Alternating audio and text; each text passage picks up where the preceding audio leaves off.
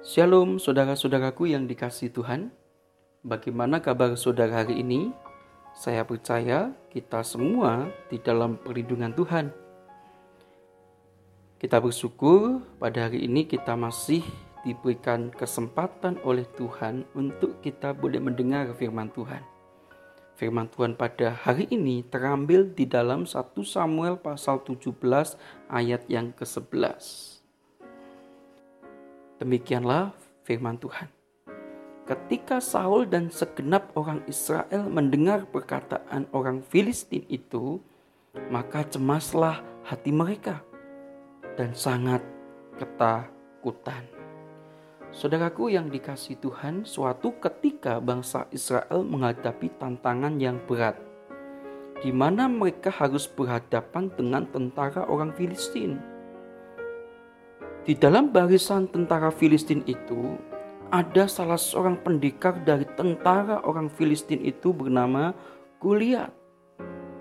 Goliat dikatakan di dalam ayat yang keempat B sampai dengan ayat ketujuh, Goliat punya tinggi enam hasta. Kemudian dia membawa ketopong tembaga di kepalanya. Ia memakai baju sirah yang beratnya 5000 shikal, dia memakai penutup kaki dari tembaga dan di bahunya ia memanggul lembing tembaga. Gagang tombaknya pun seperti pesa tukang tenun dikatakan di sana. Nah akibatnya saudara, Saul dan segenap orang Israel pada waktu itu menjadi cemas dan takut.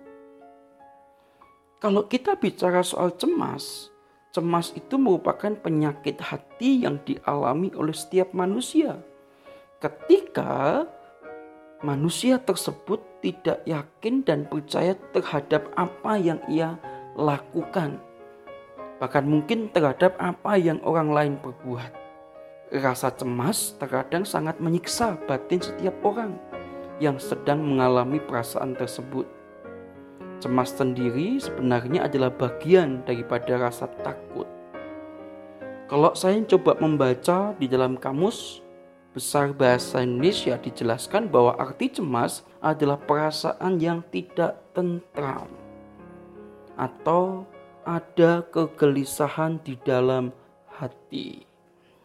Sedangkan salah satu arti kata takut adalah merasa gentar, merasa ngeri menghadapi sesuatu yang dianggap akan mendatangkan bencana. Saudara-saudaraku yang dikasih Tuhan, demikian pula dalam kehidupan ini. Ketika kita diperhadapkan pada masalah yang besar, acap kali hati kita pun diliputi dengan rasa takut dan cemas, bukan?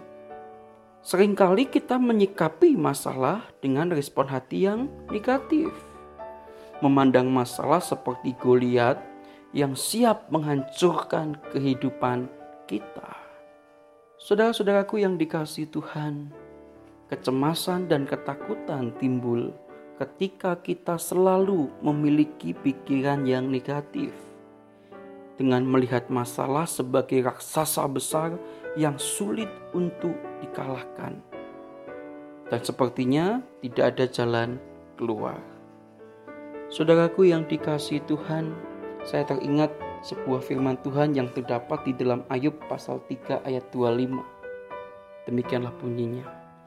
Karena ketakutan itulah yang menimpa aku dan kecemasan dan yang kucemaskan itu yang mendatangi aku.